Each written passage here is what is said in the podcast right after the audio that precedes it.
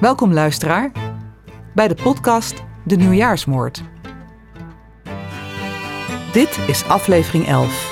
De grens van het experiment.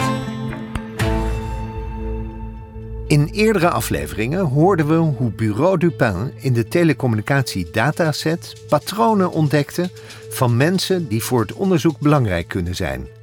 In dat kader is er binnen de community veel zorg voor de privacy van betrokkenen.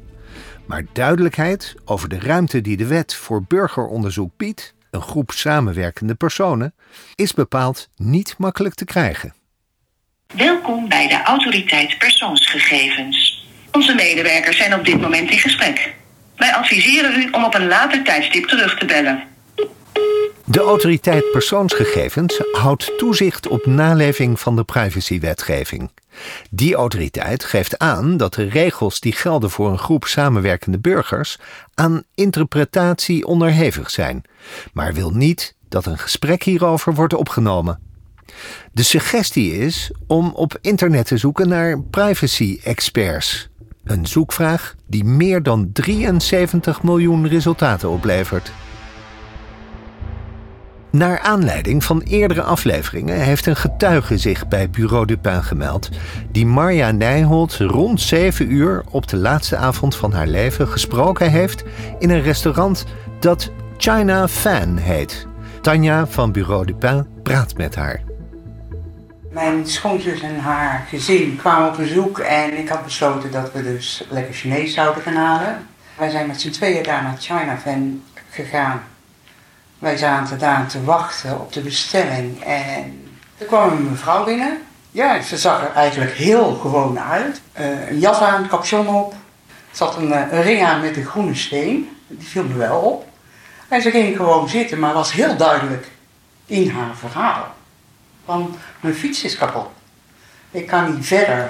En daar bleef ze eigenlijk een beetje op hangen. En uiteindelijk zijn er uh, twee jongens naar buiten gegaan om te kijken naar een fiets of ze die konden repareren.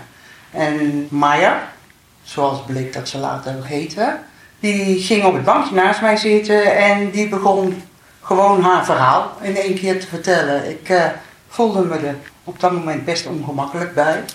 Ze was vanuit haar woonplaats naar Duitsland gegaan.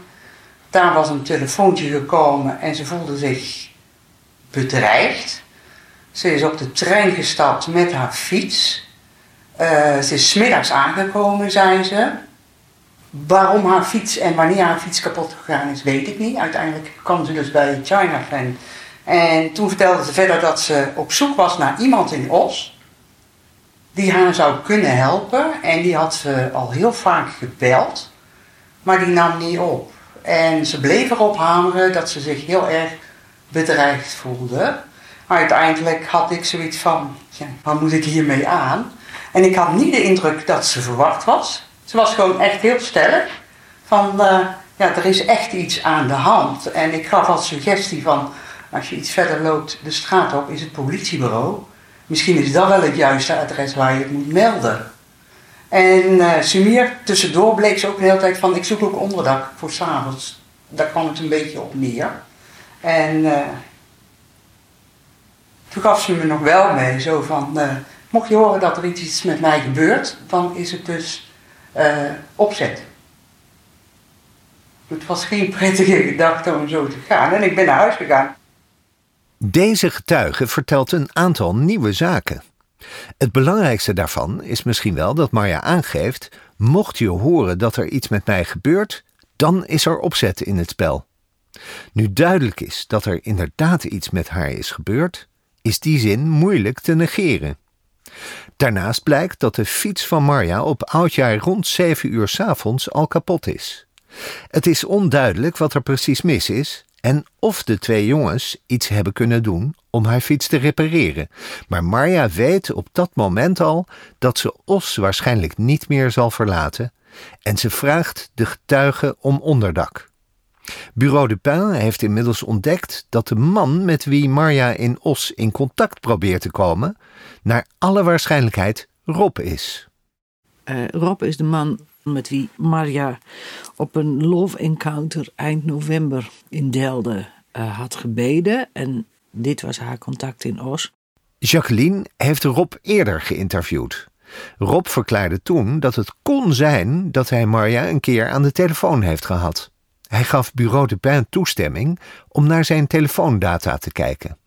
Daaruit blijkt dat hij een gesprek van bijna een uur met haar heeft gehad, acht dagen voor haar dood. Rob zei toen in dat gesprek dat hij na Twente nooit meer contact met Marja had gehad. En dan later zegt hij: Ik weet het niet meer, ik weet het niet meer, maar ik kan gezegd hebben: bel me maar. Er begint iets te dagen. Misschien heb ik wel een gesprek met haar gehad, dat ik gebeden heb aan de telefoon. En dat vinden wij toch wel bijzonder, omdat we in de telefoondata hebben gevonden dat Rob op zondag 23 december om vier minuten voor elf belt hij op haar andere mobiel. Ze heeft twee mobielen.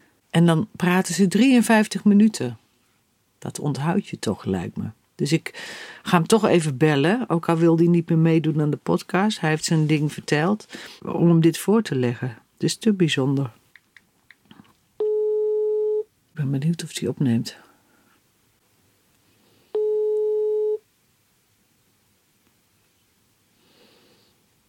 Goedendag met Rob. Hoi Rob, dit is Jacqueline nog een keer. Ik weet dat je niet meer met de podcast mee wilt doen, maar eh, uit de datalijst van die gecodeerde telefoonnummers is iets bijzonders gekomen. En daar wil ik eigenlijk even met jou over praten. Tot uh, horens en ik hoop dat alles goed met je is. Dag.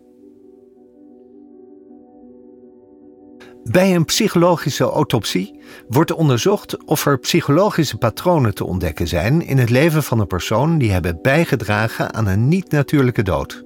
René Dijkstra is emeritus hoogleraar psychologie aan University College Roosevelt. Voor Bureau de Pin onderzoekt hij de dood van Marja Nijholt en daarvoor bestudeert hij de map met correspondentie die Bureau du Pin ontving en luistert hij mee met de podcastserie. Ik heb pogingen gedaan om psychologische autopsie uit te voeren. Om te kijken of dat kon leiden tot duidelijke uitspraken ten aanzien van wat uiteindelijk die dood veroorzaakt heeft. Ik denk eh, dat ik er iets over kan zeggen. Nou, hoe zwaarwegend dat is, eh, dat is dan vervolgens een punt van discussie. Uh, in de periode tussen 2003 en 2007, voor zover ik de correspondentie gezien heb, komt regelmatig door haar uitgeschreven uitlatingen voor die in mijn vak het beste te ordenen zijn onder de rubriek suïcidale ideatie. Dus het denken aan en misschien zelfs het overwegen van suïcidaal gedrag. Sommige van haar uitlatingen zijn zelfs letterlijk zo. Ja? Ik wil dood, of ik wil hier niet meer zijn, et cetera. We weten uit een heleboel onderzoek dat als er sprake is van herhaalde suïcide-ideatie, en gegeven de brieven die ik heb, is dat een aantal keren voorgekomen, dat de waarschijnlijkheid dat de betreffende persoon op een gegeven moment tot een poging tot zelfdoding komt, is aanzienlijk groter. Dus zij heeft in ieder geval in haar geschiedenis een gedragspatroon dat de waarschijnlijkheid van suicidaal gedrag, mogelijk zelfs met de dood en gevolgen, verhoogt. Alleen, die informatie is in de tijd gesproken nogal ver van het overlijdenstijdstip af. Ik zou benadrukken dat in het proces waar je zit toch reden hebt om aan te nemen dat het onwaarschijnlijke wel eens waarschijnlijk zou kunnen zijn. In de map met brieven van Marja, die Bureau de Pin ontving, schrijft ze inderdaad een aantal keer over de mogelijkheid om uit het leven te stappen. Dat maakt de kans dat ze ook daadwerkelijk een poging daartoe heeft gedaan, dus groter. Maar tussen het moment dat ze hierover schrijft en haar dood zit minstens vijf jaar.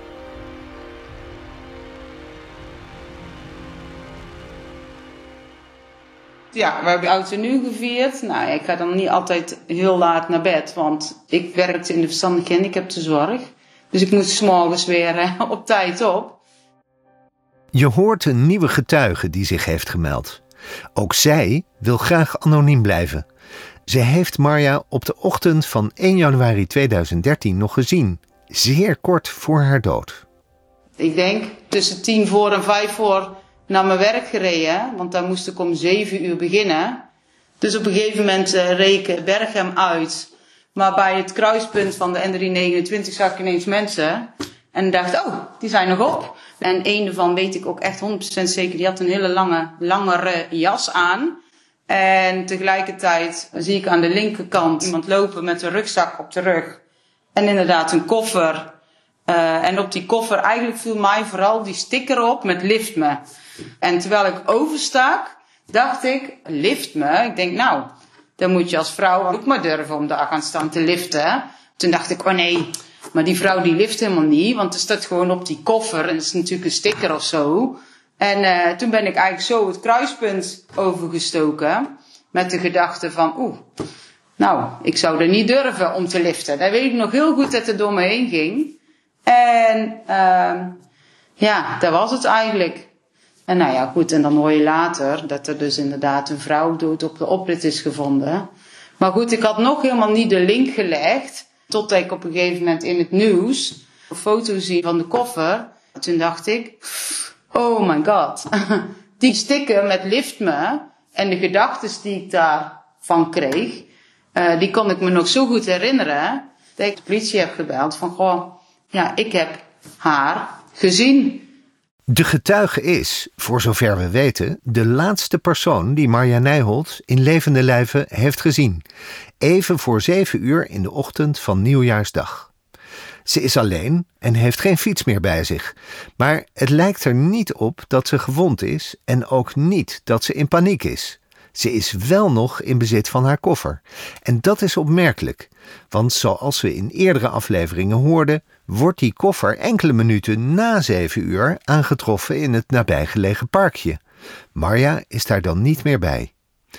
Maar dan vertelt de getuige nog iets.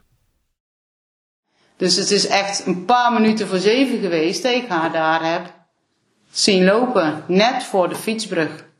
En aan de rechterkant stonden twee, drie personen. Ik, ik, twijfel of het twee of drie zijn. Met een paraplu. En die waren heel druk met elkaar in gesprek. Uh, die waren ook gericht op elkaar. Ik had niet de indruk dat hun gericht waren op die vrouw aan de linkerkant van de weg. En die, die mensen stonden ook echt een meter of tien terug richting Berghem. Maar het viel op omdat het uh, aan die kant van de weg was geen voetpad en er was geen fietspad. Dus het viel me op. Ik denk, hè, wat doen die mensen daar? Maar goed, ik reed in mijn auto, dus je rijdt door en meteen valt die lift me koffer op. En ja, ben ik overgegaan naar die koffer met die sticker. En eigenlijk geen acht meer geslagen op die mensen aan de rechterkant van de weg. En ik herinner mij echt dat mensen iets boven hun hoofd hadden. Ik twijfelde even van, was het nou een hoed of was het nou een paraplu? Maar iets boven het hoofd hadden die mensen in ieder geval. En ze waren ook druk met elkaar in gesprek. En één persoon was een stuk groter als de andere. Dus ik heb nog het beeld van die man met die langere jas, die stond aan de kant van de weg. En de, ik heb het idee dat het een vrouw is, maar ik durf het eigenlijk niet 100% zeker te zeggen. Maar die was in ieder geval een stuk kleiner. En die stonden eigenlijk een beetje schuin naar elkaar, waren die druk met elkaar in gesprek. Ik had echt wel het idee dat ze over iets aan het discussiëren waren. Dus het was niet helemaal ontspannen kletsen, nee. Nee, ze waren echt heel druk. En ik had ook het idee dat ze het niet eens waren met elkaar. Snap je wat ik bedoel? Er is dus een groepje mensen in de buurt van Marja in de ochtend van haar dood, slechts enkele minuten voordat ze van haar koffer wordt gescheiden. Wat gebeurt er tussen enkele minuten voor en enkele minuten na zeven uur op nieuwjaarsochtend 2013 aan de Bergense in Os. In de vorige aflevering hoorden we dat Bureau Dupin in de telecom dataset gestuurd was op een aantal personen dat mogelijkerwijs antwoord kan geven op deze vraag. De gebruiker van telefoon met code 560 bijvoorbeeld. Uit de data blijkt dat deze persoon in de vroege ochtend van nieuwjaarsochtend actief was in de buurt van de plaats delict. Ligt daar een relatie met het groepje mensen dat de beschrijft? Om dat scenario verder te onderzoeken, moet worden gezocht in openbare bronnen. Maar mag een community als Bureau Dupin gegevens uit de telecom dataset wel koppelen aan andere bronnen? De zoektocht naar duidelijkheid over de ruimte die de wet voor burgeronderzoek biedt, brengt Bureau Dupin bij Gerrit-Jan Zwenne. Hij is advocaat, hoogleraar aan de Open Universiteit en Universiteit Leiden en hij is gespecialiseerd in privacy en gegevensbescherming. Peter van Bureau Dupin spreekt met hem.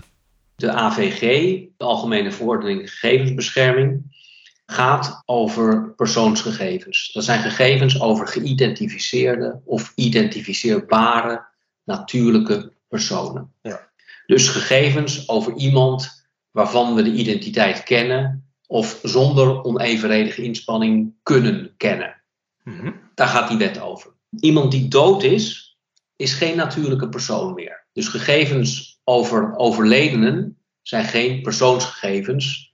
Maar ook als het wel persoonsgegevens zijn, is de verwerking daarvan niet per se verboden. En dat betekent dat je verwerking moet kunnen worden gebaseerd op een verwerkingsgrondslag. En daar hebben we er zes van. Toestemming is een verwerkingsgrondslag. Dus zou iemand jullie toestemming geven? Ja hoor, je mag mijn gegevens gebruiken voor dat doel. Dan zou dat prima zijn. Maar jullie grondslag zal waarschijnlijk zijn het gerechtvaardigd belang van, uh, laten we zeggen, de, de samenleving, dat misdrijven worden opgelost. Dat lijken me allemaal gerechtvaardigde belangen.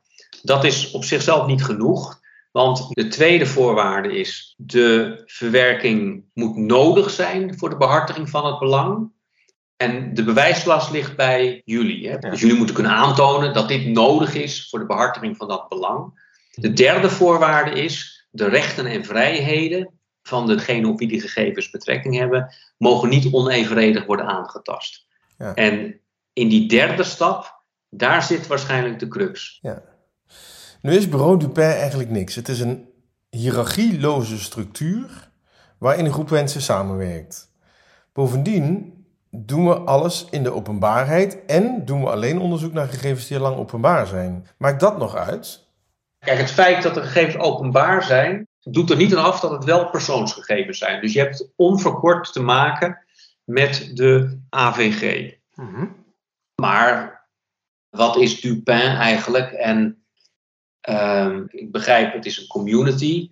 Dat is natuurlijk in juridische zin niet heel erg duidelijk. Als jullie een stichting waren of een vereniging, dan zou ik zeggen: oké, dat is degene die ik erover kan aanspreken. Maar dat is bij een community natuurlijk een moeizaam begrip. Ja. Ik weet dat er in ieder geval allerlei individuen zijn die dingen doen. Mhm. Maar uh, het is één ding dat je thuis een analyse doet. Je brengt dingen bij elkaar. Op zichzelf is dat gewoon een verwerking van persoonsgegevens. Ja. Maar omdat je het in de beslotenheid doet van je bureau en het niet bekend maakt, zullen de nadelige gevolgen voor degene over wie je gegevens verwerkt wellicht niet zo groot zijn. Ja. Maar als gebruiken betekent we zetten het in openbare uh, prikborden, mm. En als jullie verder niet toetsen wie er binnenkomt, en mensen hoeven er ook niet voor te betalen, ja, die, dat, die openbaarheid, die transparantie helpt bij de accountability. Mhm. Geen verborgen agenda's. Schitterend. Maar er zitten ook risico's aan vast. Ja. Als, uh, als Bureau Dupin mijn cliënt was, dan zou ik met klem adviseren: voorzie in randvoorwaarden die maken dat de kans dat het misgaat kleiner wordt. En afschermen, niet alles in openbaarheid doen, dat maakt de kans kleiner dat er belangaantasting verder gaat dan nodig.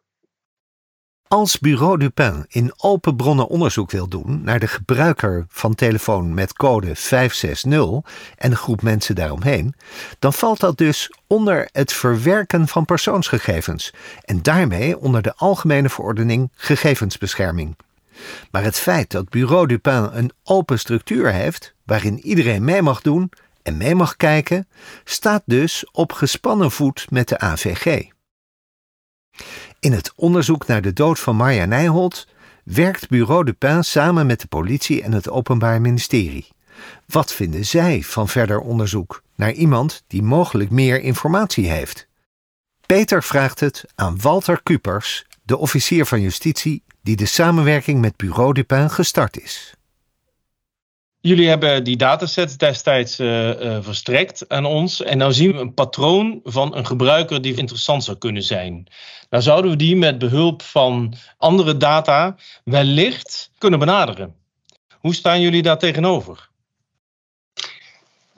Um, we hebben die dataset toen een tijd uh, verstrekt om te bezien of het de crowd zou lukken om patronen te ontdekken die wij in 2013, 2014, toen het onderzoek liep, zelf nog niet onderkend hadden. Um, wij zaten toen met het grote probleem van ja, wij kunnen dat soort informatie niet aanleveren, want dat is privacygevoelig. En nou ja, de wet en regelgeving staat dat niet toe. Daar hebben we toen een oplossing voor gevonden. En dat was het pseudonymiseren van die gegevens. En uh, die barrière hebben we opgeworpen om toch deze gegevens te kunnen verstrekken, zodat patronen ook voor ons zichtbaar zouden worden op het moment dat de community uh, met alle kennis en kunde daarachter zou kunnen komen. En dat zou voor het tactisch onderzoek heel interessant kunnen zijn als je dat opnieuw zou willen opstarten. Nu we op een punt zijn gekomen dat eigenlijk de patronen zichtbaar zijn geworden, begrijpen wij, begrijp ik, dat het vanuit de community gedacht ook logisch is om verder te gaan, omdat je dan op een gegeven moment wil weten, oké, en dat interessante telefoonnummer, wie zit er naar achter? Maar daar lopen we denk ik tegen de grenzen aan van dit experiment. Die drempel die we opgeworpen hebben tot pseudonymiseren en alleen op die manier het kunnen verstrekken, ja, als die doorbroken wordt of omzeild wordt, of hoe je het dan ook wil noemen, dan komen we op heel uh, glad ijs terecht. Want de kans dat je dan op een gegeven moment te veel en te dicht in de persoonlijke uh, levenssfeer van individuen komt, die kans is dan levensgroot. En ik denk dat dat echt een risico is. De politie en het Openbaar Ministerie hebben telecomdata aan Bureau Dupin verstrekt, zodat de community patronen kon ontdekken die in 2013 niet zijn ontdekt.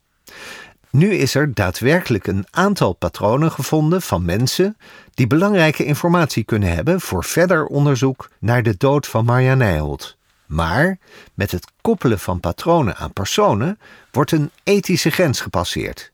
Een grens die voor Bureau Dupin altijd erg belangrijk is geweest. Peter vraagt hier verder op door. Kun je daarmee zeggen dat er patronen gevonden zijn die destijds nog niet gevonden zijn? -hmm. het, um, daar zit uh, een, een punt dat ik niet met je kan delen. Wij kijken natuurlijk wel mee en wij luisteren wel mee naar de podcasts en de afleveringen. Natuurlijk gebruiken wij de versleuteling die wij in handen hebben om nou ja, ook vanaf de andere kant van het gordijntje mee te kijken. Um, het is ook daarmee ons experiment en het is niet beperkt tot de zaak van Marja Nijholt, maar het is eigenlijk veel ruimer. Dus wat mij betreft is dit experiment is al een tijdje geleden al, is al geslaagd. Hè? Laat ik dat even vooropstellen. Um, maar heel concreet om je nou informatie te geven over wat wij tactisch uh, nu wel of niet doen, dat, uh, ja, dat, dat staat me nu gewoon niet vrij in het kader van opsporingsbelang. Um, maar ik zie twee dingen. Ik zie dat de community uh, echt wel uh, interessante gezichtspunten heeft opgeleverd, ook voor ons. Uh, en ik zie dat dit hele initiatief een boost heeft gegeven voor deze zaak. En um, ik denk dat dat nou, ook een van, van de belangrijke positieve uitkomsten van dit experiment is. Want mensen die er iets over zouden kunnen zeggen, die zullen zich, uh, nou ja, bij de community hebben zich mensen gemeld. Hè, en daar zijn, daar zijn jullie ook actief mee bezig geweest. Maar daarbuiten zijn natuurlijk ook nog mensen die zich niet bij jullie hebben gemeld, maar nou ja, misschien hebben ze zich wel bij ons gemeld. Dan wordt Jacqueline teruggebeld door Rob. Hoi. Hallo, met Rob. Hey, fijn dat je terugbelt. Want weet je wat het is? In, in die podcast heb jij gezegd dat je bijna geen contact met Marja had. Dat je geen geweldige klik had hè, met haar. Niet iets heel bijzonders. Maar weet je wat nou het rare is wat uit die data komt? Dat op zondag 23 december... Ja. Uh, heb jij met haar bijna een uur aan de telefoon gezeten. Ja, dat kan. Ja, dat kan. Ja, om haar gewoon uh, een beetje te begeleiden. Ja. Dat zou kunnen, ja, ja. Dat was je tijdens ons gesprek vergeten. Want een uur is Nou, best, is best lang, hè? Ja, maar weet je, het is allemaal zo lang geleden. Ik weet het ook allemaal niet meer. Mhm. Dus eh, ja, en ik heb er ook een beetje op van afgescheiden, zeg maar. Niet om er niks mee te maken te willen hebben, maar gewoon eh, voor mijn eigen gemoedsrust. Gewoon rustig, kalm. Weet je, en eh, eh, ja, ik, het heeft mijn huis wel wat gedaan. Hè? Dat wil ik helemaal niet zeggen. Maar het is niet zo dat ik met Maya zo geweldig contact had. Ik heb er ja, dan één keer misschien dan aan de telefoon gehad om haar misschien een stukje te begeleiden of zo. Maar ik, er zijn verder nooit iets van afspraken gemaakt of wat ook in dat gesprek. Nee, echt niet. Nee, anders zou ik het zeggen. Want ja, het is heel, ook wel fascinerend hoor. Want Sits heeft jou dan 25 november gezien. Op die, eh, hebben jullie samen gebeden. Ja. Met Gerry Ja, waarschijnlijk verder erbij. niks, verder is daar niks gebeurd, want er is de vrouw van eh, Erik bij geweest. Ja, precies. Eh, Maria heeft contact met Erik. Want dat kunnen ze ook allemaal zien in die data. Ik niet hoor. Maar op 21 december heeft ze contact met Erik. Ja. Kennelijk heeft ze dan zoiets. Ja, ik, ik vul nu in, hè? Heeft ze dan Ja, zoiets, ja. heeft ze nu eh, zoiets gezegd dat ze in geestelijke nood zit? En Erik belt dan met jou. Ja. En dan direct na dit gesprek heeft Erik een sms naar Maria gestuurd. Maria belt jou dan die avond. Want je kan jou precies zien, zes minuten. Dan belt ze de volgende dag weer. Ja. En dan duurt het tien minuten. En dan die zondag is het 53 minuten. Dat was ons ding, dat je dat niet herinnert. Ja, ja, ja, ja. Nou, ik, nu, eh, nu dat je het zegt, herinner ik me wel dat ik eh, een wat langer gesprek met haar gehad heb. Ja, dat klopt. En gewoon aangehoord wat ze had. Ja, en dan gaat het over vervolgingen, en dan gaat het over alles, weet je niet, waar ze, waar ze door, eh, eh, ja, gekrenkt is in het leven eigenlijk. Hè? Dus ze is enorm gekrenkt. Ze, ze denkt dat ze, constant geachtervolgd wordt, op een of andere manier. Ja. Ja, dat kwam er wel uit in dat gesprek. Ja, je bent dan gewoon een luisteraar, weet je, voor mensen. Ik heb dan niet direct altijd een mening klaar. Ik, ik kan alleen maar luisteren naar iemand hè, die in nood zit. En waarom dat ze naar ons gekomen, weet ik, dat is een groot vraagteken. Dat weet ik niet. Dat weet ik echt niet. Daar snap ik niks van. Ja. Nee hoor, en dan zien we ook 4 januari is er weer contact tussen, eh, tussen jou en, en Erik. En dan gaan jullie allebei ook meteen de politie bellen van. Ja, kijk, ja, ik wij, heb wij- toen de politie gebeld. Ik dacht, goed, ja, dit moet gewoon, nee, hè. ja, ik Ik voel, me, ik voel me gewoon dat ik eh, daar eh, even moet bellen, ja. ja. ja, gezien, het is goed dat je erover belt, hè. Ja, want het, waarom is het goed? Ja, nou, dat is gewoon goed. Ja. Nee, dat dingen gezegd kunnen worden Ja, is wel heel belangrijk. dit willen we ook even melden in de podcast. Als het over die data gaat, dat dit jouw verklaring is. Ik hoop eigenlijk dat het opgelost wordt. Het is ook op oud en nieuw gebeurd. Dus eh, ja, dat blijft, als je dan oud en nieuw viert, dan denk je er toch heel eventjes aan, hè.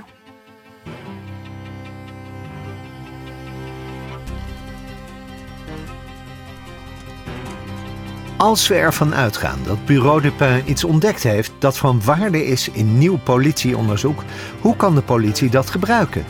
Peter legt deze vraag voor aan de officier van justitie. Stel, wij vinden iets waarvan wij denken dat is eh, opmerkelijk. Ehm, hoe overleggen we dat naar jullie? Dat hebben we eigenlijk nooit afgesproken. Nee, dat hebben we ook niet afgesproken. Wij kijken natuurlijk wel mee en wij luisteren wel mee naar de podcast en de afleveringen. En we denken, goh, is dit eigenlijk al eh, eerder bedacht? Of is dit iets heel nieuws? En in hoeverre zou dit een interessant eh, scenario kunnen zijn? En past dit bij dingen die wij eigenlijk al weten? Zo kijken we natuurlijk wel echt mee en doen we daar ook iets mee. Hè? Als, eh, als het voor ons aanleiding geeft om nog eens te kijken hoe zat het ook alweer. Wat hadden we op dat vlak? Concreet, wij hebben van jullie niet eh, daadwerkelijk die informatie aangereikt nodig. Ehm, want de, de richtingen die zijn helder. En dat is voor ons voldoende om eh, eh, mee te kijken of we daar ook tactisch iets mee kunnen. En stel dat jullie daar tactisch iets mee kunnen. Mhm. En stel dat dat wat op zou leveren. Is er dan nog sprake van een terugkoppeling naar ons toe? Eh, stel nou, hè, en ik zeg echt niet dat het zo is hoor, maar stel dat wij eh, met de informatie die nu boven is gekomen, of die nou voor jullie gekomen is, of ergens anders vandaan, straks tot een oplossing komen van de vraag wat er nu precies gebeurd is. Hè? Ja, dan gaan we daar natuurlijk over eh, communiceren. Ehm, dat zijn allemaal zaken die maken dat we al een tijdje geleden hebben kunnen zeggen van nou, voor ons is het in ieder geval al geslaagd. En het zou heel mooi zijn als we uiteindelijk ook een persbericht eruit zouden kunnen laten gaan, waarbij we kunnen aangeven wat, uh, wat er gebeurd is die nacht. Dat zou inderdaad een heel mooi bericht zijn. Het onderzoek heeft dus interessante gezichtspunten opgeleverd, die ook voor de politie en het Openbaar Ministerie nieuw zijn. Maar dat Bureau de Pin geen stichting of vereniging is, maar een groep samenwerkende burgers waarin niemand de baas is, die bovendien in alle openbaarheid onderzoek doet, verhoudt zich slecht tot bestaande wetgeving. En het verder onderzoeken van de patronen die zijn gevonden in de telecomdata stuit bovendien op ethische grenzen. Dit alles betekent niet dat het onderzoek naar de dood van Marja Nijholt is afgerond. Bureau Dupin gaat door, met respect voor bestaande wetten en binnen ethische grenzen.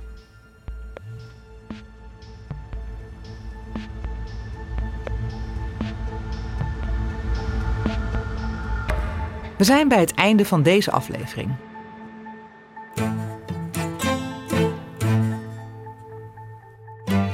Bedankt voor het luisteren en tot de volgende podcast.